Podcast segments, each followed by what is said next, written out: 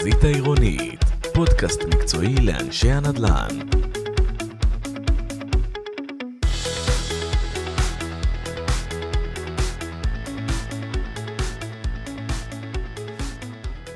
שלום וברוכים הבאים לפודקאסט הקבוע שלנו, אה, כאן מוטי ויזל, ואני אה, בשיתוף עם מרכז הנדל"ן מראיין היום ושמח אה, להזמין את אריאל רוזנברג, שמשמש היום כמנהל השיווק של משרד השיכון בעצם. אריאל בשנה האחרונה, מאז שנכנסה הממשלה, קיבל את תפקיד מנהל השיווק, לאחר שבע שנים שבהם הוא נושא תפקידים במשרד השיכון עצמו, בין היתר היה בין המתחילים של תוכנית מחיר למטרה שהוקמה לפני לא מעט שנים, ובארבע, חמש שנים אה, האחרונות, בוא נאמר עד אה, קימה של הממשלה החדשה, הוא היה אחראי על תוכנית מחיר למשתכן, התוכנית המפורסמת והידועה. אה, אריאל מוכר לי הרבה מאוד שנים, אני מאוד שמח שהוא נמצא איתנו היום. שלום אריאל. שלום מוטי, תודה על ההזמנה. תודה רבה לך שהגעת אלינו. אה, אין הרבה הזדמנויות שבהן אה, פוגשים אחד על אחד אה, אנשי מקצוע ממשרד השיכון, לפעמים פוגשים אותם בכנסים, באירועים, בהפקות גדולות, ולא תמיד יש הזדמנות לדבר אחד על אחד. ומעבר למה שאתה חושב על שוק הנדל"ן, ואיך שאתה רואה את השוק, זאת הזדמנות קצת לדבר על, קצת לא רק על המבנה הפנימי, קצת על הפעילות של משרד השיכון ביום-יום, שהיא בדרך כלל די סיזיפית, ולא רואים אותה, מה שנקרא, בעיניים ביום-יום, בדרך כלל רואים רק את התוצאות.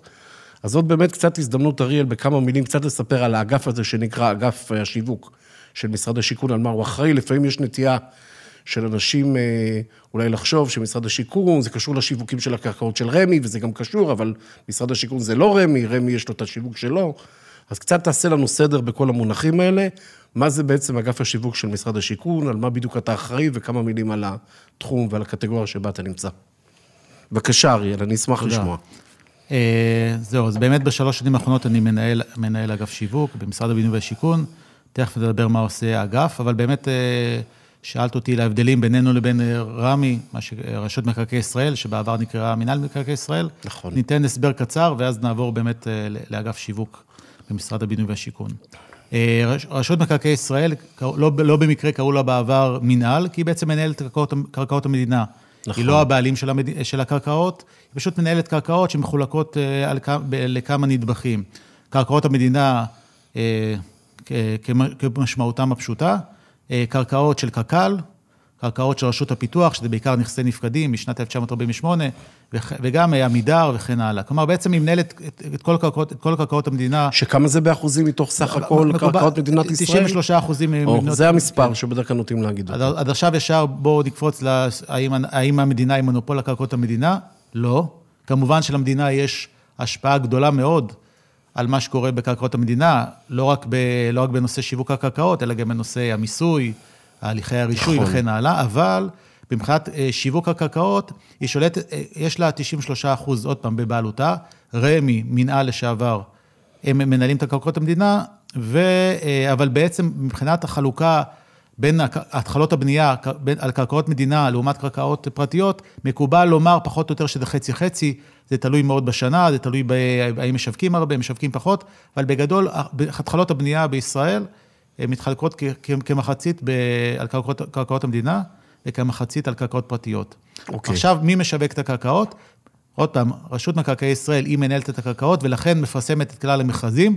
יש מכרזים שמכרזים שלה בלבד, ויש מכרזים שלפחות באנג'ה הפנימית, קוראים להם מכרזים משותפים, שזה בעצם מכרזים שמשרד הבינוי והשיכון מקדם, שיווקים שמשרד הבינוי והשיכון מקדם, על הערים, שבה, הערים שבהן אה, פועל המשרד. אוקיי. Okay. זאת אומרת, מינהל מקרקעי ישראל בעצם מנהל 93% מקרקעות המדינה, ואתה אומר שיש מכרזים שהוא מוציא אותם, ויש מכרזים שאתם כמשרד השיכון מוציא אותם. לא. אבל, אבל אתם בעצם מוצאים מכרזים, מכרזים של מינהל מקרקעי ישראל? אז, אז אני אחדד. תסביר. אחדד. כל הפרסומים הם נעשים על ידי רשות מקרקעי ישראל. יש פרסומים שהנגיעה שלנו, אין, אין לנו נגיעה למעשה. אוקיי. מכרזים בערים מסוימות, שבהם אה, למשל אה, מכרזים בת, בתל אביב, בראשון לציון, אה, במודיעין, שפעם הייתה עיר הדגל של משרד הבינוי והשיכון, זה מכרזים שרשות מקרקעי ישראל מפרסמת אה, בעצמה, okay. בלי אוקיי. מעורבות של המשרד. תכף נדבר איך אני מנהל... אז איזה מכרזים אתם מוצאים? המכרזים, יש? ערים מסוימות, כלומר יש הרשאות תכנון. אוקיי. בערים שמשרד הבינוי והשיכון מתכנן, באגף התכנון וכן הלאה. שהוא אה, זה שמוציא את המכרזים. עוד- עוד פעם, מוציא את המכרזים, אה, רשות מקרקעי ישראל היא שמפרסמת את המכרזים, אבל בשיתוף... עם משרד עם השיכון. משרד השיכון. זה- זה ערים כמו אלעד, בית שמש, אה, ראש העין, אה, אשדוד, אה, ק- אה, קריית שמונה, עכו, נהריה, אה, בעיקר ערים פריפריאליות. זה איזה סוג של שיתוף בין מינהל מקרקעי ישראל כן. לבין משרד השיכון בהוצאת המכרזים. עכשיו בואו רגע נדבר על האגף עצמו. נכון, אז... אז- זאת אומרת, אז על מה אחראי בעצם אגף השיווק ב- במשרד השיכון, בשונה מאגף השיווק של המינהל? יש, יש בגדול שלוש רגליים אה, מרכזיות לאגף שיווק. הרגל האחת זה שיווקי הקרקע, מה שדיברנו מקודם. שיווקי קרקע בערים שבהם, שבהן אה, מטפל אה, משרד הבינוי והשיכון, יחד עם המחוזות, יחד עם אגף התכנון וכן הלאה, משווקים קרקעות, מתכננים אה, את, את תוכנית העבודה, את המנות, את המתחמים, שיטת השיווק, שיטת התחרות וכן הלאה. זה, זה, הרגל, הרגל, זה בעצם נושא הליבה של אגף שיווק, וזה מלווה וילווה אותנו כן. לאורך, ה, לאורך כל הדרך. הרגל השנייה זה בעצם מעקב אחר התקדמות הבנייה.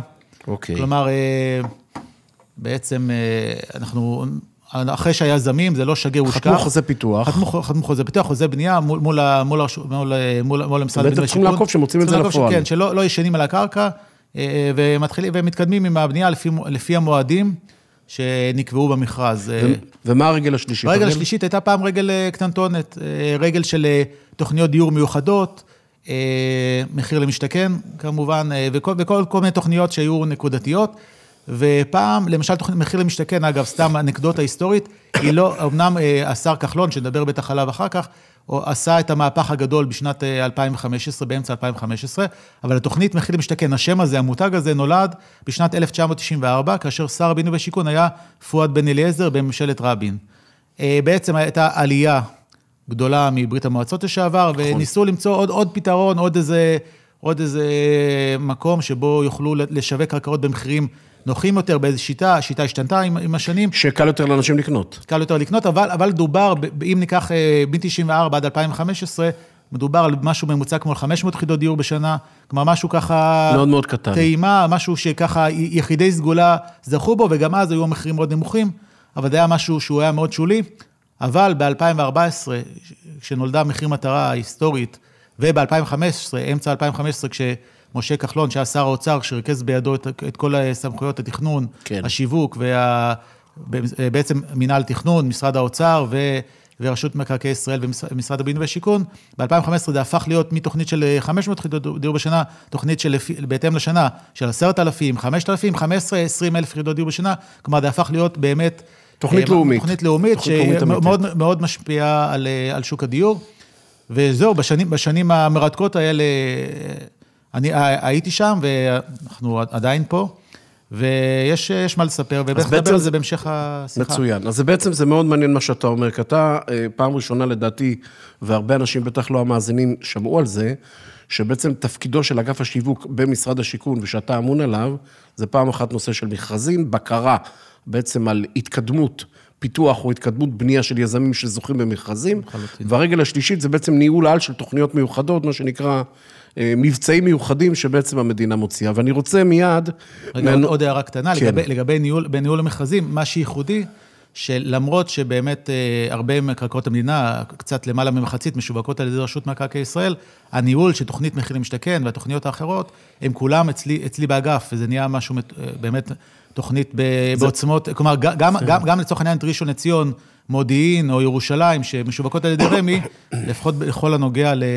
בעצם הרגל השלישית נהייתה הרגל המאוד משמעותית כן, בפעילות נהייתה השוטפת שלכם. רגל של פיל, כן. נהייתה רגל של פיל, מה שנקרא. אני רוצה דווקא מפה, זה נושא טוב, שאתה העלית עכשיו נושא מחיר למשתכן, כי זה בעצם מה שליווה אותנו בשנים האחרונות. אין כמעט מישהו שעוסק בנדל"ן שלא נחשף לתוכנית, שהיא לא השפיעה עליו, לטוב או לרע באיזושהי צורה. יש חברות שהיו שמחות שהתוכנית הזאת תמשיך עד אינסוף, יש חברות שפחות מרוצות, יש יזמים שניגשו למכרזים, יש יזמים שהחליטו לא לגשת למכרזים, היו הרבה מאוד עניינים סביב הנושא של תוכנית מחיר למשתכן, חלק טענו שהיא יצרה עיוות בשוק, חלק אומרים שהיא עשתה טוב לשוק, חלק אומרים שהייתה התוכנית הכי טובה ever, שבעצם בוצעה בטח בעשרות שנים האחרונות, שגם יצאה לפועל וגם בוצעה, יש כל מיני דעות. אבל מצד ש...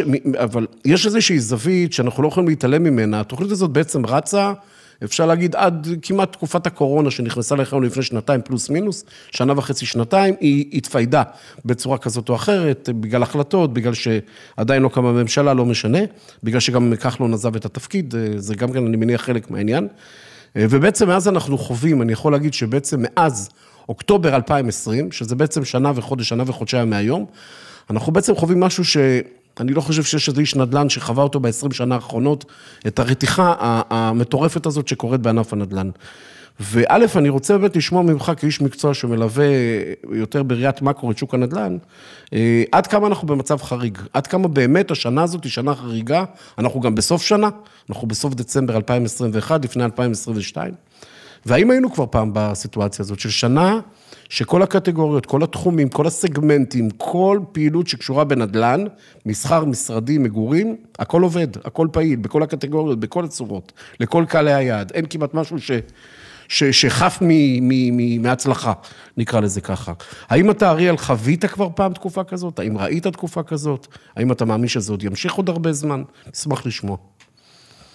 אה, באמת זו תקופה, אני לפחות לא זוכר תקופה כזאת, ואפילו דומה לה. אה, כמו שאמרת, כל מכרז, כל מכרז שאנחנו מוציאים, גם בפריפריה, גם במרכז ובכל סגמנט שהוא, וזה נכון.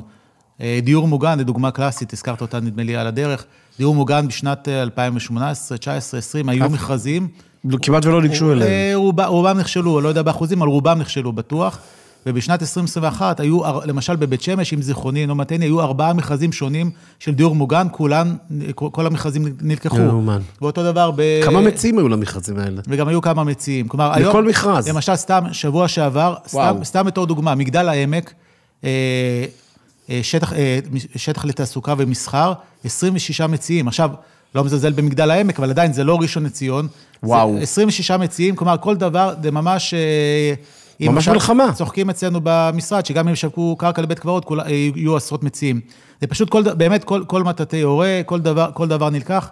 עכשיו, עכשיו עוד, אה, מה שנקרא, אני בתור מנהל אגף שיווק, זה משהו, כמו שאמר שייקה אופיר, עין אחת אה, צוחה, עין שלה בוחקת. כן. כי זה מצד אחד, אני שמח על הצלחה, בסופו של דבר, לא אותי פחות, אה, אם אפשר להגיד ככה, בפוזיציה שלי, פחות מעניין, מעניינות אותי הכנסות מהקרקע, בלי לזלזל בהן, אבל מעניין, מעניין אותי שהשיווק יצליח, שההיצע יגדל וכן הלאה, אז אני לכאורה אמור להיות מרוצה עד הגג.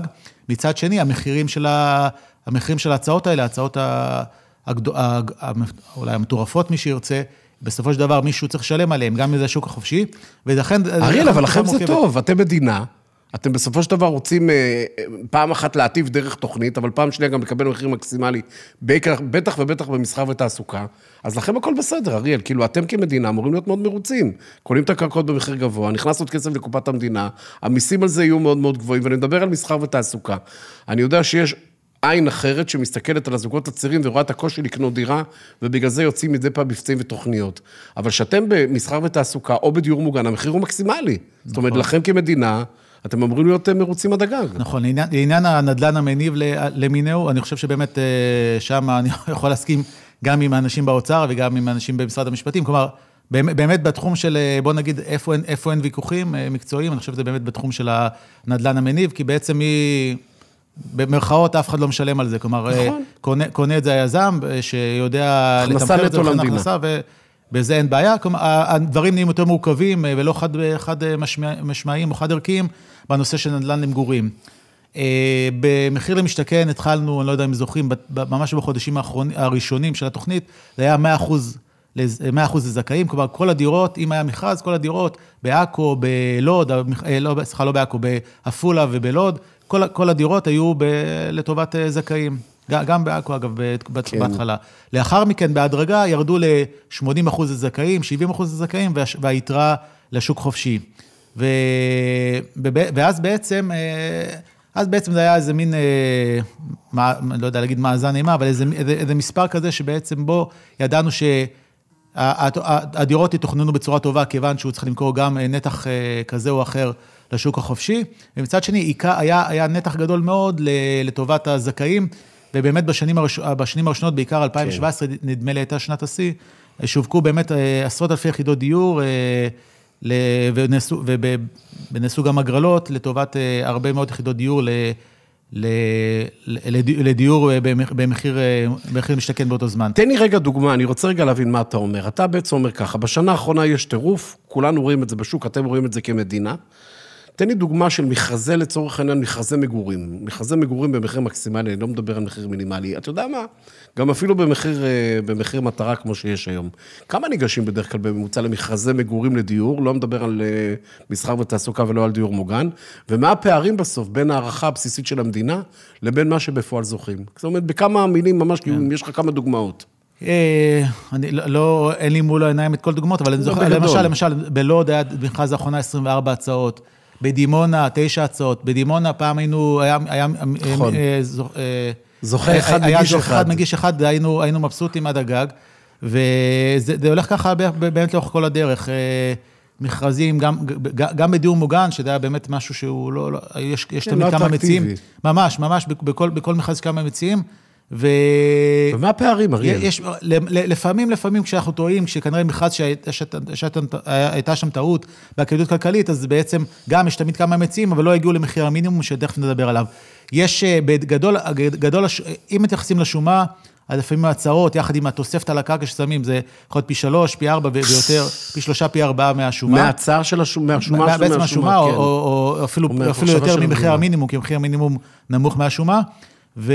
אבל, אבל אני, אני יותר אוהב להסתכל בעצם על ההשוואה של מה נסגר במכרז היום ב- ביש- ביישוב או בשכונה מסוימת, לעומת מה נסגר באותו מכרז שנה אחורה, או אפילו שנה. כמה חודשים. שמה זה- כלומר, שמה הפער? הפער, הפערים מדהימים, שפערים גם, גם במקומות שיש חודשים ספורים, אז יש עלייה של אה, עשרות אחוזים, ב... ושוב, אני לא אומר את זה בשמחה, כלומר בבית שמש... בפער של חודשים. בפער של חודשים או שנה, רמת בית שמש, כמה, כמה, כמה יחידת אה, דיור, כמה קרקע מפותחת יחידת דיור לפני שנה, וכמה היום זה עליות של 30, 50, 70, 100 אחוז בכל מיני מקומות כמו בית שמש, בל, בלוד, קרקע בלוד, אנחנו מדברים על לוד, שעוד פעם, זו עיר במרכז הארץ, אבל כידוע, היא לא העיר עם הביקושים הכי מטורפים, ועיר, והיא הולכת לעבור שינוי, והמשרד עושה שם באמת אה, מהפכה, ויחד עם, אה, בשותפות עם עיריית לוד, אבל עדיין, זה עלה עכשיו לסדר גודל של 800-900 אלף שקל יחידת דיור מפותחת. ואגב, חייבים להגיד שבמכרז האחרון קצת, קצת לקחו צעד אחורה, זה כבר ירדו, ירדו בחזרה, עדיין הרבה יותר ממה ש... כמה זמן אתה עוד צופה את- הטירוף הזה ממשיך, אריאל? אני באמת שואל אותך. כי אה, אתה מדבר פה על פערים, אתה כבר לא מדבר על פער של, אתה יודע, נדל"ן מדבר באינטרוולים לפעמים של שנים. אתה מדבר על פער של שבועות וחודשים, שהמחירים עולים בעשרות אחוזים על אותה קרקע. לאן העסק הזה הולך? לאן העסק, אני מדבר כרגע על מגורים, לאן העסק הזה הולך, וכמה זמן זה עוד יכול להמשיך הטירוף הזה? קודם כל, הלוואי ואני או מישהו אחר היינו יודעים, אני לא חושב שמישהו באמת יכול להגיד משהו על השוק. אה, אני אומר, אני אומר על עצמי, אני מודה שלפני שלוש שנים חשבנו, ש, חשבתי שהגענו לתקרת זכוכית. כלומר, האנשים לא יוכלו לשלם יותר מ...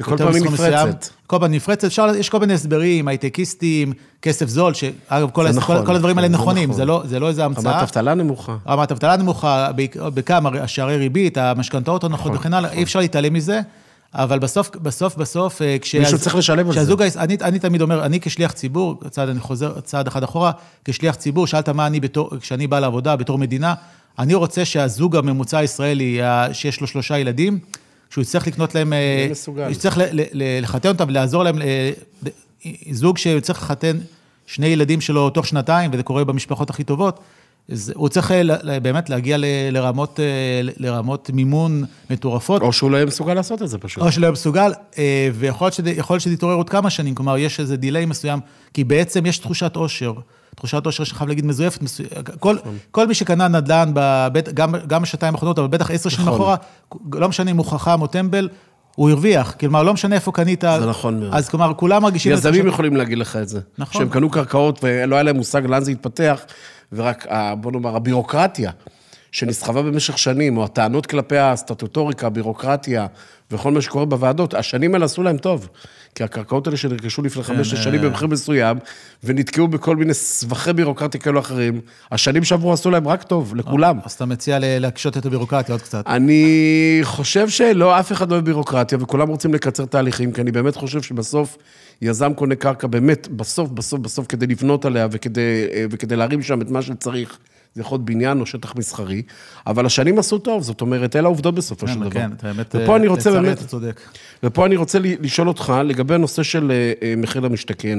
דווקא אתה באמת כדמות, כפרסונה שליוותה את התהליך הזה כל כך הרבה שנים, רוצה לדעת מה הפקתם לקח מהתוכנית הזאת, שאתם משתמשים בה היום בתוכניות החדשות, ובכלל כפי שאתם רואים את העתיד, הרי הפקתם הרבה לקחים, שווקו עשרות אלפי יחידות דיור, ועשרות אלפי זוגות צעירים, בוא נאמר, זכו לקנות דירה, שסביר מאוד להניח שבמצב הנוכחי לא היו מצליחים לקנות את אותה דירה. סביר להניח. ואז נשאלת השאלה באמת, איזה תובנות לקחתם מהתוכנית הזאת קדימה, שאתם בעצם משקפים אותה היום גם בתוכניות וגם בתפיסת עולם שלכם, בכלל באסטרטגיה שלכם כמשרד השיכון. אה, קודם כל, באמת השנים האחרונות לימדו אותנו הרבה דברים. אה, אנחנו הכי קרובים אה, לשטח, אני חושב שהיינו אי פעם. אנחנו מלווים את היזמים, מה זה מלווים את היזמים? עומדים מול היזמים, מלווים את היזמים, מתווכחים עם היזמים לפי העניין, וחשופים בעצם לכל אורך, ה, לכל אורך השדרה של, של הפעילות שלהם. כלומר, החל מ... מהליכי הרישוי, בוא נגיד בלשון המעטה, המורכבים והלא פשוטים בישראל. אה, ודרך הליווי הבנקאי, איזה דירות הם מוכרים קודם, אה, איזה דירות מעניין, מעניין, מעניין את היזמים למכור קודם, ו, ואיך זה משתלב עם הליווי. כל הדברים האלה, ותמהיל הדירות שנבנה, ומה נכון. העיריות מאשרות, ובעצם גם מה, מה הזוכים, איזה דירות הם בוחרים ראשון, אה, ראשונות. תן לי באמת דוגמה, אחת או שתיים, דוגמאות אמיתיות, שאתה אומר, הפקנו לקחים, אני, משרד השיכון הפיק לקחים מתוכנית מחיר למשתכן, אחרי הרבה מאוד שנות ניסיון, שמשתקפות היום במכרזים החדשים. בהסתכלות שלכם, נושא של תמהיל דירות, אני מסכים איתך, אני חושב שיצרתם התמחות בנושא של תמהילי דירות, כי תמהילי דירות זה בעצם מחיר למשתכן בצורה הכי ברורה שיכולה להיות. אה, איזה סוג יחידות דיור, האם זה שלושה חדרים או ארבעה, יש משמעות למי קהל היעד שנגזר מהתמהיל, כי זה גוזר מחיר, ועוד הרבה דברים. חוץ מאשר נושא של תמהיל דירות, מה עוד לקחתם איתכם קדימה היום להווה? גם, גם הנושא של שטחי דירות. כלומר, בהתחלה התחלנו בלי מגבלות על שטחי דירות. נכון. בשל, בשלב... היו דירות ענקיות בהתחלה. היו דירות ענקיות, היו... אני, אני, כל, אני בכלל בשיחה הזאת לא אזכיר יזמים ספציפיים, אבל, אה, אבל היו דירות, נגיד, של שלושה חדרים, של 110 נכון, מטר, 120 מטר. ו-130 ו-140 כן, מטר דירות. ואז אני, בתור אה, נציג משרד השיכון, כולל בכנסי זוכים, אני הגנתי על היזם, אמרתי...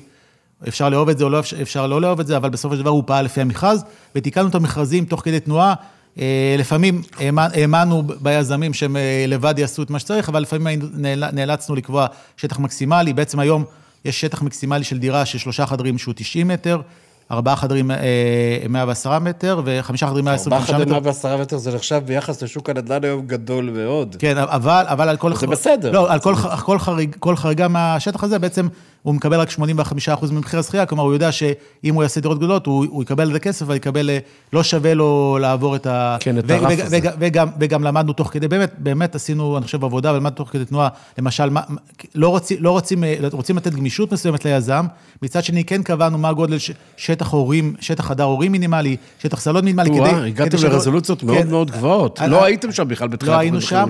אגב, זו התלבטות אמיתית, כי מצד אחד רוצים לתת, בסוף היזם קונה קרקע, לא רוצים לתת לו אפס גמישות.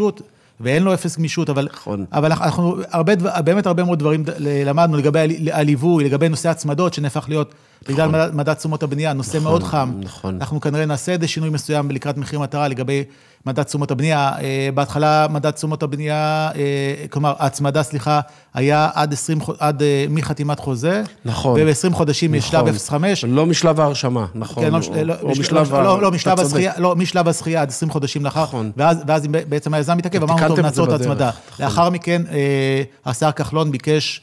מהגורמים המקצועיים, שבערך מהרבעון הראשון של 2018, שבעצם ההצמדה היא לפי, לפי ההיתר מלא, או לפי חתימת חוזים לפי המוקדם, ועכשיו בגלל כל מיני דברים שהתגלו במהלך הדרך, יכול להיות שבעצם נעשה משהו שיהיה לפי המאוחר, מבין... אה, מבין המאוחר הח... שביניהם. שבין, כלומר, בעצם... כדי לדחות בעצם... כמה שאפשר את הספיגה. של מדדי מחיר, של מדדי תשומות הבנייה, עד הרגע שבעצם הבנייה מתחילה בפועל. כן, לא, לא, בשביל, לא בשביל חלילה לפגוע ביזמים, אלא בשביל לזרז אותם, לתמרץ אותם, אם צריך, אה, להגיע לשלב הזה כמה שיותר מוקדם, כדי שהוא ייפגש עם הכסף. כלומר, יש באמת הרבה מאוד דברים. אה, זה מאוד לא, מעניין. אה, לא יודע, כשאני אצא לפנסיה, אפשר, באמת, ספר לתקופה הזאת. ספר שלם על התקופה הזאת. לתקופה, באמת, תקופה מטורפת, פתחנו בזה בעולם הנדל"ן. לא, לא יודע, אני, אני, בסוף יש את העניין של מחזוריות, אולי, אולי אני מקדים קצת את המשך השיחה, אבל בסוף אני חושב שהמחזוריות כן מנצחת, ומתישהו נגיע לשפיות יותר ב... אה, אני יכול, אני יכול להגיד לך, אריאל, מהניסיון העסקי שלי במהלך השנים, היו בדרך כלל, במהלך התקופות, שהיו סייקלים של עליות וירידות בשוק הנדל"ן, אם אנחנו לוקחים את אה, 2008, שזה המשבר העולמי, אם אנחנו לוקחים לפני זה את 2001, 2002, שהיה משבר הייטק, העולמי. בועת ההייטק. והפיגועים ותקופת בישראל. הפיגועים, מה שנקרא, מלחמת, זה היה השנייה. האינתיפאדה השנייה. ונדבר על תקופות של 95-96, תמיד אתה ראית קומבינציה, ואסור לשכוח, יודע, זה לא שאנחנו נוטים לשכוח, כבר עברו הרבה שנים. בעצם משנת 96 ועד שנת 2006, עד מלחמת לבנון השנייה, שזה היה ב-2006, אנחנו היינו בעשר שנות מיתון קשה מאוד פה בישראל. היו אז ההתפוצצות של האוטובוסים, ושתי אינתיפאדות, ושתי מלחמות. עברנו באמת אז שנים נוראיות, עשור שלם של שנים נוראיות. אבל תמיד היו שני דברים ברקע. כשאתה ראית משברים כלכליים מסיביים מתמשכים, זה נבע בדרך כלל מרמת אבטלה מאוד מאוד גבוהה, פעם אחת, ופעם שנייה רמת ריבית גבוהה. כשאתה ראית רמת ריבית גבוהה ורמת אבטלה גבוהה, אלה שני דברים שהתכנסו תמיד למשברים גדולים. כשאנחנו מסתכלים היום על המציאות בעיניים, ואנחנו מסתכלים על רמת האבטלה שהיא בין הנמוכות יותר ב-OECD, ואנחנו הראשונים הרי שפרצנו מכל העולם לרמות אבטלה של מתחת ל-10 אחוז, אנחנו עומדים בערך על 6-6.5 אחוז אבטלה, אחרי בסך הכל שנה של קורונה, תראה מה קורה בעולם. ומצד שני, רמת ריבית נמוכה, שאף אחד גם לא רואה אותה עולה. למרות שיש דיבורים בארצות הברית אה, של הבנק המרכזי, אתה יודע, כבר חצי שנה העלאת ריבית. אני לא רואה, לא יודע, אני מסתכל על השוק במקרו, אני לא רואה ב-2022, למרות ההכרזות של הנגידה, של הנגיד האמריקאי על העלאת ריבית, אני לא רואה הרבה, הרבה העלאות ריבית, כשעכשיו יש את האומיקרון שהולך להיכנס, והם צריכים לשמור עוד פעם על איזושהי רמה. אז אם רמת הריבית נמוכה, ואם רמת האבטלה נמוכה, ויש כסף פה באמת לא חסר בשוק, ויש ביקוש, ויש רצון לקנות דירות, למה שזה בעצם ירד, אריאל? לא, תסביר לי. קודם כל... תן לי אינדיקציה שזה ירד, למה? קודם כל, אני לא.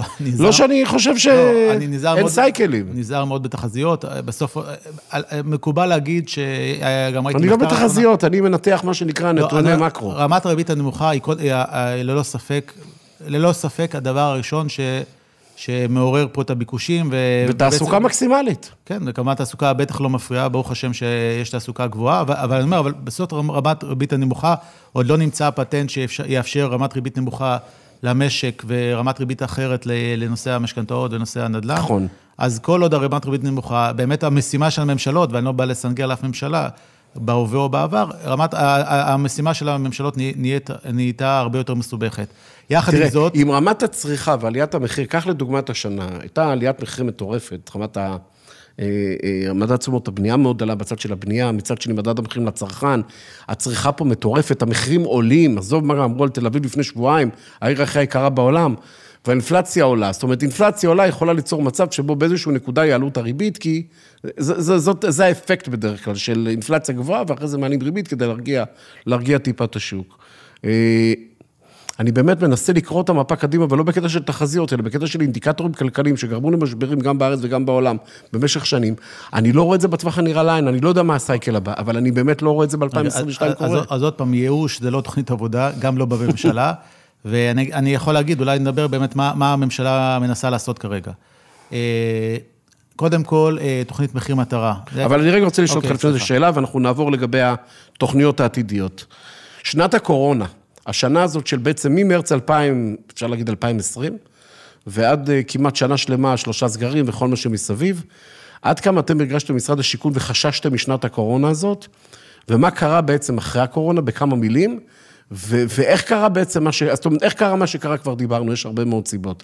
אתם צפיתם שזה מה שיקרה? זאת אומרת, חשבתם שיכול להיות מצב שאנחנו נצא מהקורונה ותוך חודש, חודשיים ישראל תניע מ-0 ל-100, כמו, ש... כמו מכונית פרארי בשלוש שניות, ושהיא תגיע לרמה כמו שהיא הגיעה? מה אתם חשבתם בשנת הקורונה שיכול לקרות, ועד כמה החששות שלכם באמת התקיימו, התבדו? תראה, בשנת הקורונה, אני לא חושב שמישהו יכל לחזות, אף אחד לא אף יודע כמה. זמן... אז עזוב שנייה את הנדל"ן, כלומר, מי, מי ידע איך השוק התאושש? היו מאוד, היו מאוד חששות, או עבודה מהבית, ואבטלה, ולכו תדעו כמה זמן הוצאתם מכרזים בתקופה הזאת? הוצאנו, בתקופת הקורונה? הוצאנו, מכרזים, אה, כן, בשנה, השנה, אבל זה היה שילוב של, של כמה, כמה נושאים. שנת הקורונה באה, אה, באה כידוע, במהלך אה, תקופה של אה, מערכת בחירות אחת ומתמשכת במשך, בעצם ארבע מערכות בחירות שהן היו כמעט מע- מערכת בחירות אחת ארוכה, לא היה תקציב מדינה. נכון. אה, היה ואקום שלטוני, או, לא היה... זה גם כן נושא שאפילו לא דיברנו עליו עד עכשיו. אה, שיש כן, אז- יציבות אה, כלכלית. ו, וגם, אה, וגם אה, למשל, סתם דוגמה, ועדות, ועדות, אה, ועדת גבולות, שלפעמים פתרון כדי לאפשר שיווק של קרקע, האם זה הולך למועצה האזורית, או למועצה המקומית, כל ההסדרים האלה לא, לא התכנסו במשך אה, כשנתיים, ולא היו ותמ"לים, הוותמ"לים הפסיקו, הוותמ"לים שבעצם אחד מה... אתה רק נותן לי הרבה מאוד סיבות למה הכל פה יהיה לא, ממשיך להיות לא, בסדר, לא, אריאל. לא, לא, כי יש רגע, ממשלה יציבה, תקציב לשנתיים, ותמ"לים עובדים, הבירוקרטיה עובדת. לא, אבל לא... למה שווה שלא יהיה בסדר? בסדר, אבל, פה, אני לוקח את זה לכיוון אחר. אני אומר, כש- כשהיה, ואקום שלטוני וכן הלאה, אה, אז בסוף, המצב אה, לא אפשר להוציא מספיק קרקעות, ועדיין אנחנו אולי סוחבים את, ה, סוחבים את, ה- את, את, את, את השאריות של זה, אבל עכשיו, אם, אם הממשלה יציבה, לפחות יש תקציב לעוד... אה, עד, עד מרץ 20, אה, לא, לא זוכר את ה... עד מתי... מרץ מרץ 20 ו- 22, אני חושב, עד סוף, כאילו, יש תקציב 23, ל-21 כן. ועד 22. כן, אז כאילו- בעצם, בעצם יש ממשלה שנה וחצי, שנה עוד פעם, אני וחצי, לא, לא אדם נכון. פוליטי, אבל בסוף יש פה יציבות שלטונית, אז בסופו, ובאמת, השנה האחרונה, כשאמרתי, אה, אה, תכף נעבור לתוכניות העבודה שלנו, אבל, אבל בעצם הקורונה, הקורונה בכל העולם, זה קטע, זה קטע, גם עוד קטע מטורף, בכל העולם, נכון. על, על מחירי הדירות עולים. עולים, נכון. מי- מי שקנה לפני שנה בשיא הקורונה דירה, גם כן, לא, הוא לא היה צריך להיות חכם. בקפריסין, נכון במנהטן, ביוון או ב- עלה, בלונדון. פשוט זה עלה, אז כלומר, אז אנחנו פה, בקטע הזה, תגיד, אה, זה לא תופעה ייחודית ישראל, זה תופעה, יכול להיות שהעשרה אחוז של. עלייה היא פשוט חלק מהתופעה העולמית. נכון. עכשיו, אה, שוב, הקורונה, הקור... אגב, עוד דבר שהחרגנו החרגנו את ה... במהלך הקורונה את ענף הבנייה, אני חושב שזה היה צעד חשוב נכון, שהממשלה... נכון. הענף המשיך לפעול כמעט הממשלה- כרגיל. הענף המשיך, יש כאלה שאומרים שאפילו בגלל שלא היה פקקים והעובדים הפלסטינים הגיעו, נכון, אז יש כאלה שאומרים עבד, שאפילו נכון. אפילו יותר טוב. האיץ את התהליכים. יש גם יזמים שבכל זאת כנראה נתקעו, אבל בסופו של דבר לא היו- לא הגיעו עובדים חדשים מסין. זה נכון מה שאתה אומר. אבל בשורה התחתונה, בוא נגיד, הקורונה הייתה, אם הייתה השפעה, הייתה השפעה מאוד מינורית. לא ידענו, לא ידענו את זה בזמן אמת, וכמובן היה לחץ, ואני זוכר בחודשים של השיא הקורונה, מרץ, אה, מאי, לא, אתה, אתה מעלה נקודה מאוד נכונה, שגם אני קצת פרח לי בזיכרון, הנושא של, באמת הענף הזה הוחרג. וגם בשנה הזאת של הקורונה, באמת הענף עבד. ברובו הגדול, בהחלט. הביצוע לגמרי עבד, הבנייני, הפרויקטים המשיכו לעבוד והמשיכו לפעול. אה, יזמי הבנייה כולם היו מוחרגים ויכלו להגיע למקומות עבודה, כנ"ל העובדים שלהם, חלקם העבירו עבודה מהבית. אתה בסך הכל צודק, זאת אומרת, זה אחד הענפים הבודדים שעבד כמעט כרגיל, גם בתקופת הקורונה, כן, ולכן הנדל"ן גם בין היתר... בסופרמרקטים. הנדל"ן בסופרמרקטים, בדיוק, כמעט ולא השפיע. אני רוצה לעבור איתך קצת לעתיד. אז אנחנו דיברנו קצת על העבר שבע שנים אחורה. אה, מחיר מטרה, מחיר למשתכן, ליווית את התוכנית הזאת, קורונה שהייתה אצלנו, הייתה איתנו במהלך שנה ומשהו. ההווה שהוא הווה מוטרף ומטורלל, כמו שגם אתה אמרת והצגת את זה באמצעות, אה, או בדמות המכרזים אה, והתוצאות שלהם, כפי שאתה רואה. ובואו קצת נדבר על התוכניות. אני חושב שמה שמאוד מעניין את אנשי הנדל"ן, מעבר לכל ההרצאות והכתבות בעיתונים, באמת לשמוע מאיש מקצוע מתוך הענף, מה התוכניות 2022, לאן הענף הולך, איזה היקפי שיווק צפויים, אה, ומה התוכניות העתידיות שלכם באמת במשרד השיכון. לקראת מה זה הולך. אוקיי, אז, אז בואו בוא נתחיל מהעבר הקרוב, כלומר מהחודשים האחרונים, ונמשיך עם שנת 2022. אה, שנת 2021, למרות שהתחילה עדיין ככה צולעת, בגלל, אה, עוד פעם, לא, היה, לא הייתה ממשלה וכל הבעיות שהזכרנו רק, רק לפני רגע, במחצית השנייה של השנה עשינו, עשינו באמת מאמצים אדירים, ושחררנו קרקעות, אנחנו, אנחנו זה בעצם רשות מקרקעי ישראל ומשרד הבינוי והשיכון, באמת קרקעות אה, של שיא של כל הזמנים, כולל במקומות אטרקטיביים, כל רחבי הארץ, ובגלל המצב אמרנו שכנראה שקשה לחזות, אבל שכנראה כל מה ששיווקנו, או כמעט כל מה ששיווקנו, גם, גם יילקח. אז כלומר, אז, אז קודם כל, אני אומר, אה, בשביל להילחם בתופעת המחירים וכן הלאה, אנחנו מקווים שבאיזשהו שלב השוק ככה יבין שאנחנו פה בשביל להישאר, ולא יודע, תגיד, בעל הבית תשתגע, משווקים כל מה שיש, ועוד פעם, באמת, כמעט כל הסחורה היא סחורה טובה, זה לא, לא דברים שעוד, אה, שיש בהם עוד הרבה עבודה. מה, מה זה סחורה טובה, אריאל? סחורה טובה, אני אומר שזה אה, קרקעות שאפשר... באזורי אה, ביקוש? לא, לא, גם באזורי ביקוש, וגם לא באזורי ביקוש, אבל קרקעות שאפשר לעבוד איתן, שאין להן חסמים גדולים.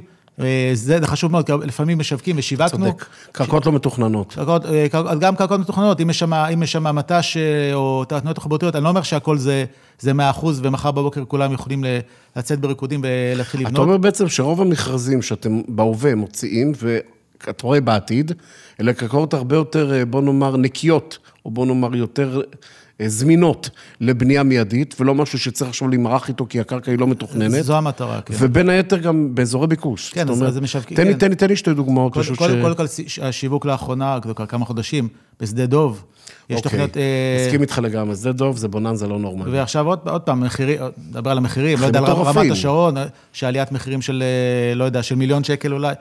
שוב, אני, אני שוב אומר, זה... שדה דוב זה חמישה וחצי מיליון שקל לדירה, זה כן, מה שיצטרכו הסף למכור שם. כמעט, כן. הרף כניסה. כן, אז עוד פעם, אפשר להתווכח על זה אידיאולוגית, נכון, לא נכון, אבל זה, זה מה שקרה. קרקע. מאוד איכותית, אין ספק בכלל. ו... רמת השרון כנ"ל. ויש יש, יש, יש, יש עוד, יש עוד קרקעות. אה, אני מדבר בעיקר על שיווקים של משרד הבינוי והשיכון, שעוד פעם, בגדול זה יותר פריפריאלי קצת, אבל יש אה, ב- באלעד, באשדוד, התחילו לשווק השנה אחרי הרבה מאוד שנים שלא שיווקו. בני עיש שנה הבאה. אה, עוד, עוד בני איש מגורים. כן, אני מדבר, אני מדבר, אני בעיקר מדבר, כן, מדבר על מגורים. מגורים. כלומר, כל רחבי הארץ, אה, עוד, עוד עכו, ובאמת יש, אה, בית שמש אנחנו יחסית בסוף הדרך. אז כמה יחידות דיור יש לכם בעצם בצנרת כרגע? אתה יודע מה, בוא נשאל אותך שאלה כזאת. ברבעון האחרון, כמה יחידות דיור שווקו בעצם בצור, בכל הצורות, מחיר מטרה, מחיר למשתכן לשעבר, או, או, או, בעסקה, או בעסקת, מה שנקרא בעסקה רגילה, לא דרך תוכנית, יזמות רגילה, על קרקע, על קרקע מדינה, ומה מתוכנן ב-2022? כמה קרקעות שווקו ברבעון קודם- אז האחרון? קודם כל, אה, ברבעון, במחצית האחרונה, אני, אני יותר מכיר את הנתונים של משרד הבינוי והשיכון, כן. אבל, אבל בואו נדבר על הנתונים המצרפיים של משרד הבינוי והשיכון ושל רשות מקרקעי ישראל. מדובר על שנה של 90 אלף שיוו- אה, אלף 90 אלף יחידות דיור שיווקים. שווקו ב-2021. שווקו עד סוף שנה עוד פעם, פורסמו, סוף פורס- 2021. פורסמו, ו- ואותו דבר יהיה גם בשנה הבאה, זה התוכנית עבודה, תוכנית עבודה מאוד שאפתנית. של שזה- 100 אלף יחידות דיור גם בשנת אה, כן, אני, 2022. אה, אם לא 100 אלף, אז אה, זה יהיה- ברמות של 80-90 אלף. זה רמות הרבה יותר גבוהות כן. ממה שהיה שנים קודם כן, בתוכנית שנים- מחיר שנים למשתכן. קודמות היה סביב ה-60-70 אלף, 60-70, בשנים נכון. הטובות. כמובן, עוד פעם, דיברנו על התחלות הבנייה, שהתחלות הבנייה, רק מחציתן, אמרנו, הן פחות או יותר על קרקעות בנייה, זה אומר, אם, אם באמת הקרקעות האלה באמת יוכלו להיות מבו- מבושלות מספיק ויצאו מהר לדרך, כן. ו, וגם השנה וגם שנה הבאה, ויחד עם מה שהשוק הפרטי יודע לעשות, וכמובן גם השוק הפרטי, הוא נמצא בחגיגה פה, והמחירים שדורשים בשוק הפרטי הם לא פח, הם לא, בשוק הפרטי אף אחד לא מתנדב לתת קרקעות בחינם. אה, אבל אני מאמין שהש, שהעבודה באמת הקשה שלנו בשנת 21 ושנת 22, אני חושב שיכולה להביא את השוק לשפיות ולהתחיל... אה, שאלת אותי מה... שנתחיל להרגיש את זה. להתחיל להרגיש את זה, וגם לא פחות חשוב, אנחנו משווקים הרבה יותר גם את המוצרים המשלימים, גם, אה, גם, את, אה, התחדשות, גם בהתחדשות עירונית, כלומר, אה, מנס, עושים כל מיני צעדים, נכון. אה, להקל, להוריד את הרוב וכן הלאה, כל מיני צעדים שהם עכשיו עדיין בתהליכים, אבל אני מאמין באמת שתהיה, מדברים על זה הרבה שנים, שתהיה, שתהיה שנת פריצה. אתה מאמין בשנה הבאה. ש-2022 תהיה שנת הפריצה של ההתחדשות העירונית? תראה, אני לא... שזה בעצם התבשלות של 7, 8, 9, 10 שנים של דיונים בוועדות למיניהם, התפוצצו אה, ב-2022? קודם כל, לראשונה, לראשונה יש תקציב ממשלתי נכון. של מאות, מאות מיליונים, שבעצם אה, יתמכו במספר רשויות, שבעצם אה, נראה שהם באים ויש להם תוכנית עבודה מסודרת ל... להתחדשות עירונית, ופעם ראשונה שיש תמריץ ממשלתי, ומדבר על מאות מיליונים, שייהנו ממנו מספר אה, רשויות, שיהיה מין, מעין קול קורא כזה שהרשויות... אה, כשאתה רלוונטיות- דיברת על 90 אלף יחידות דיור 2022, אריאל, אתה לא מדבר על מחיר למשתכן, זאת אומרת, זה נטו שיווק לא, של קרקעות. תכף נדבר, תכף נדבר או על שזה גם מטרה. כולל המוצר המשלים שנקרא מחיר למשתכן, כי מחיר למטרה אני אדבר, אנחנו נדבר על לא, זה לא, מחיר. לא, מחיר, מחיר למשתכן, עוד פעם, אה, מחיר- למשתכן הפסיק בעצם לפני הכוונה לא מחיר שנתיים. למשתכן, הכוונה יזמות או מחיר מטרה, כן, בסדר. כלומר, אה, רוב הקרקעות. בגדול, תכף נעשה סדר, רק אני אשלים לנושא- ההשלמות, גם גם בדיור להשכרה, בשנה האחרונה כבר אנחנו נמצאים במקום אחר, וגם שנה הבאה, הרבה מאוד שחקנים, נכון, שוב, אני לא-. לא לא- לא אוהב להזכיר שמות, אבל הרבה מאוד שחקנים שלא היו ב... נכון. שלא היו ב... אגב, חלקם, אפילו ב- בימים האחרונים דיברתי עם זה יזם, אמר לי, תשמע, התחרות האגרסיבית על קרקעות למגורים, היא לא מאפשרת לי לזכות, אני לא שחקן כזה אגרסיבי, ואמר, לכן עברתי ל- ל- ל- להשכרה. אה, בעצם- שגם שם יש כמות מציעים מטורפת. כן, אז, אבל עדיין שם הוא עדיין יכול, כלומר, היכולת... זה לשחקנים גדולים בדרך שחקנים כלל. גדולים, נכון? שחקנים גדולים. אז, אה, אז באמת... אה, אז, אז אתה מדבר בעצם על שיווק קרקעות נטו במסגרת מחיר מטרה ו/או יזמות רגילה, ושתיים, אתה מדבר על מוצרים משלימים, אריאל, במסגרת משרד השיכון, ואתה אתה מאוד מדייק, זה הנושא של א', התחדשות עירונית פינוי-בינוי, שזה מוצר משלים אחד משמעותי, ושתיים, זה נושא של דיור להשכרה, שזה גם כן מוצר משלים של המדינה. יש עוד מוצרים משלימים? אז, זה, הנושא של דיור להשכרה, לא, לא נדבר עליו, כי זה גם לא... נכון, זה אבל- גם, אבל- אבל- אז אני גם באמת- ראיינתי בפודקאסט הקודם פה את אה, ענבל דוד, שהיא והיא- מנכ"לית דירה להשכיר, היא סיפרה בהרחבה על הקטגוריה הזאת שנקראת כן, אבל. הנושא, של חינוך, ובסוף... עכשיו, יש גם כמה צעדי מיסוי, אה, מס, ה- המס על, הד- על דירה שנייה שכבר... נכון. עלה, אה, זה, זה לא עולם... וכמובן, צריך לראות מה, מה עושים בצעדי... בעל- אה, צריך לראות איך משפרים את זה, ואני חושב שאם נעשה... אני, באמת, הממשלה והשרים... הם אמנם לא במקום אחד, כמו שהיה אצל כחלון, שהיה שר אוצר, סוג של שר פנים, נכון. במדינת תכנון, ושר בינוי ושיכון ורשות מקרקעי ישראל במקום אחד, נכון שעכשיו זה לא כל אחד, אה, מה שנקרא, במקומו, הראשוני, אבל יש סינרגיה, כרגע לפחות, איך שאני רואה... סינרגיה עובדת בין המערכות. סינרגיה עובדת בין, בין, בין השרים, ואני מקווה שזה באמת יניב דברים, כי, כי, כי צעדי, צעדי מיסוי לא יספיקו לבד, שיווקים לא יספיקו לבד, ומצד שני, גם אה, הנושא של הרישוי הוא כמובן נושא מאוד מהותי. אני חושב שאם באמת התוכניות יבשילו ונצליח לשווק, זה יכול להיות שנראה את השינוי, ואני מקווה מאוד, כי... כי אני עוד פעם, כתור שליח ציבור, המטרה שלי היא להנגיש את הדירות. נכון. לזוגות הצעירים, למשפחות חסרי הדירה. אני רוצה משפט אחרון, אריאל, לפני שאנחנו מסיימים, לדבר על נושא מחיר מטרה, כדי שבכמה מילים מאוד ברורות תסביר למי שפחות מכיר את התחום הזה, מה זה מחיר מטרה, מה השאיפות שלו, איזה סוג פרויקטים יוצאים במסגרת מחיר המטרה, ממש בכמה מילים, נכון. וזה לסיום. בסדר גמור. אז מחיר מטרה. מחיר מטרה זה בעצם תוכנית שאומרת שהמדינה קובעת מראש את המחיר למטר מרובע. כזכור, גם במחיר מופחת וגם במחיר משתכן, התחרות הייתה על המחיר הנמוך ביותר נכון. למטר מרובע. בעצם פה המדינה אומרת, אנחנו קבענו לכם את המחיר מטרה, ומכאן שמה, ידע המחיר, אה, אתם יודעים מראש את עלויות הפיתוח, אתם יודעים מראש את, אה, את התמורה לקרקע, אבל... אז רק תגדירו מה הרווח שאתם רוצים. תגדיר, תגדיר, כן. לא, אז בעצם תגדירו, אז, אז פה התחרות בסופו של דבר היא כמה אתה משלם על הקרקע. כלומר, סליחה, אה, אמרתי משהו לא מדויק מקודם, אתה לא יודע כמה הקרקע, הקרקע היא, ללא, ללא, ללא מחיר מינימום. תיאורטית, נכון. אתה, אתה יכול לזכות בשקל. אה, בקרקע, כמובן שלא התחרות כנראה שזה... זה תחרות על המחיר הנמוך כן, בעצם. לא, עוד פעם, לא, תחרות על המחיר הגבוה למעשה, על המחיר הגבוה של הקרקע. עוד פעם, המחיר, אני, אני שוב מדייק, המחיר למטר מרובע קבוע מראש, המחיר למטר מרובע בנוי.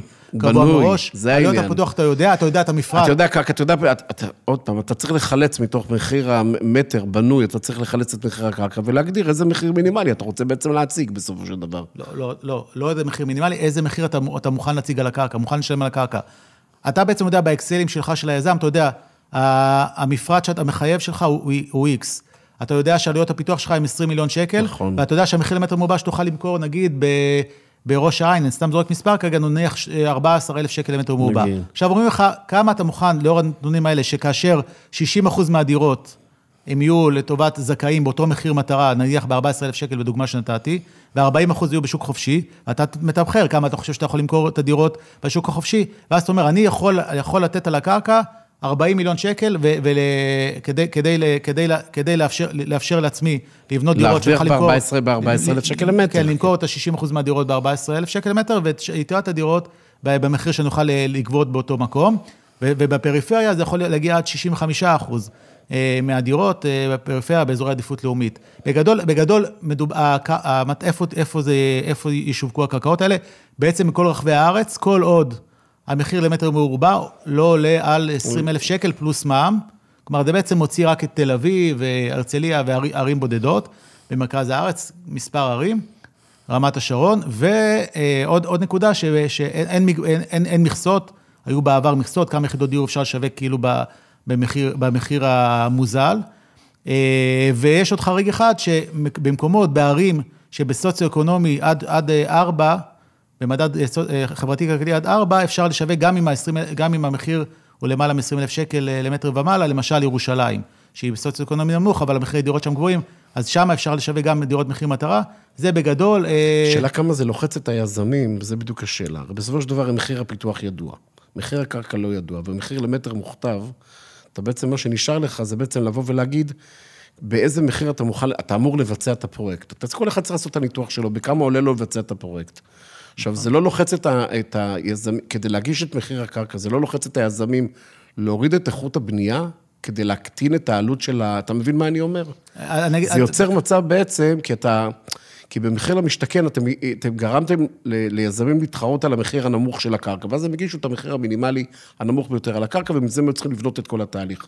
פה אתה בא ואומר לו, 14,000 שקל למטר, זה המחיר שאני מוכן שאתה תמכור יחידה, מזה תגזור את מחיר הקרקע, מזה תגזור את מחיר הבנייה, מזה תגזור, תגזור, תגזור את כל הגזירות.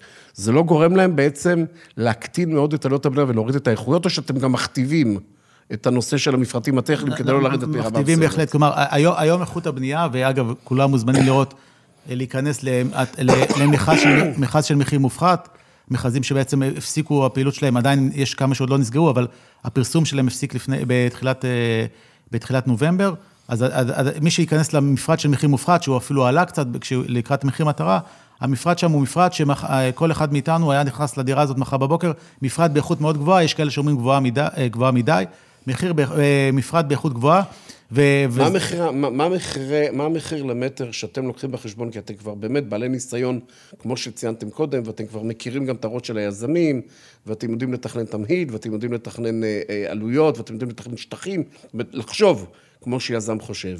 באיזה מחיר יזם היום יכול בעצם לבנות דירה מהסוג הזה, מחיר למטר, כדי שזה ישאיר לו מקום למחיר קרקע שהוא תראו, עדיין סביר לשכייה? תראה, במכרזים בבית שאן, או במקומות כאלה, ששם עלות הקרקע, אני מדבר על מכרזי מחיר מופחת, או מכרזי מחיר למשתכן, בעצם יזמים התחייבו על 4,000 שקל למטר פלוס מע"מ, כלומר, וזה כולל עלויות פיתוח והקרקע. כלומר, בעצם יזמים, אה, לכאורה, תגיד שה, שהבטון והפלדה, וזה אותו מחיר בבית שאן או בתל אביב. אבל אה, כלומר, בעצם המחיר נטו ל... אפשר להם אחרי זה קרקע ורווח יזמי. כן, אז באמת היו מחירים שלפעמים הפתיעו אותנו. אגב, גם בלוד, בגלל סבסוד צולב, לפני שנתיים, שנה וחצי, אז uh, המחיר מקסימום היה 8,000 שקל, והיזמים הציעו ממש חצי, ממש חצי, ומדבר על לוד. כלומר, היו, לא משנה, זה סיפור ארוך שם, אבל אה, כלומר, כלומר, יזמים יודעים לבנות גם איכו, איכותי. ויעיל, אה, יש... ב-4,000 שקל למטר, אני מסכים איתך. כן, אז אני אומר, לגב, לגבי האיכות, חשוב, חשוב לי מאוד להגיד כמה מילים טובות על התוכניות דיור האלה. אה, בסוף, אתה, כשאתה, כשאתה מגיע ל, ל, לבחירת הדירות, האירועים של בחירת הדירות, זה ממש כעובד ציבור, זה ממש התרגשות, וממש לראות את ה, מה שעבדת עליו, עבדת עליו קשה, אה, קורא מור וגידים. במהלך התקופה יש הרבה רעש, זוכים שמתלוננים, ומלחמות מול יזמים, ותביעות משפטיות לפעמים גם. אבל בסופו של דבר, ברגע שכמו שאמר עגנון, יש לו סיפור על בית, אגב, על, על, על בתים, מאויב לאוהב, ברגע שהם חותמים על הדירה שלהם, הם באים עם, עם התמונה המסורתית, מדביקים את המדבקה, נמכר, עם, לפעמים עם ילד או שניים על הידיים, זה באמת תמונה מרגשת, שבאמת, אני כל פעם שאני נמצא במעמד הזה, מתרגש, אני חושב, לא פחות מהזוגות, שאתה רואה שעשית משהו טוב, ובסוף הזוגות האלה, זה באמת הגיעו לדירה, וכנראה לא היו מגיעים לדירה אה, בצורה אחרת. נכון. זה ממש, באמת, באמת זה סיפוק מהעבודה, שלא לא בכל אה, תפקיד אפשר לראות אותו. ולכן אני, המטרה שלי בעצם, אני בתוך הפוזיציה שלי הנקודתית במשרד הבינוי והשיכון, המטרה שיהיו כמה שיותר דירות כאלה, איכותיות, אה, במחירים סבירים, ולהמשיך בעבודה הזאת ולעשות, ואני מקווה לעשות טוב.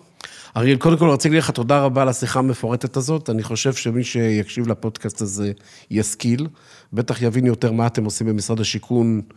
בתחום האפור, שפשוט אנשים פחות מכירים, כי בדרך כלל רואים, כמו שאמרתי, רק את הכותרות, אבל לא רואים את העבודה השחורה מאחורי הקלעים. אז בהחלט ציינת את הנושא הזה. אה, אתה, מה שנקרא, לא איש בשורות בנושא של איך אתם רואים את שוק הנדל"ן נראה בשנת 2022, זאת אומרת, די כמונו, כמו אנשי המקצוע בענף הנדל"ן, אתם לא רואים ירידות משמעותיות, ואין אינדיקטורים שגם מראים את זה לצערנו הרב. והנושא השלישי זה בעצם שמחיר לטרה זאת התוכנית העיקרית היום שקיימת, אה, שרצה במסגרת מכרז, אה, משרד השיכון, וכמות המציעים לכל, אה, לכל מכרז היא פנומנלית, כמו שאתה ציינת, וגם רמות המחירים עולות. אז בוא נאמר, להגיד אופטימי, פסימי, תלוי את מי שואלים לא, בשוק הנדל"ן. אני חייב לדייק, אני אומר, אני באמת לא... אני מאוד נזהר תמיד בתחזיות על מחירים, אגב, לא רק עכשיו. כן, אני לא בתחזיות, אני בניתוח ריאלי. אני חושב שבניתוח ריאלי יכול להיות, יכול להיות, עוד פעם, אני מקווה, ויכול להיות, וזו המשימה שלנו, שהשיווקים הבאמת מסיביים, זה לא... לא לאורך זמן, אז לאורך זמן, יכול להיות שלפעמים, לא, לא תמיד יודעים לחזות, יכול להיות שלפעמים נכון. אה, גורמים אקסוגנים אה, משפיעים על מחירי הדירות, ובדרך כלל זה גורמים לא חיוביים. זה או אבטלה או מלחמה. נכון, נכון. אנחנו רוצים לא ש... אני לא מייחל לזה, אבל לעצירת המחירים, או לירידת המחירים, אני בהחלט מייחל, כי זה כרגע זה מסע כבד מדי על הכתפיים של הזוג הישראלי הצעיר. אני מסכים איתך לגמרי. אריאל, תודה רבה, תודה שבאת, ותודה על השיחה הזאת. תודה רבה.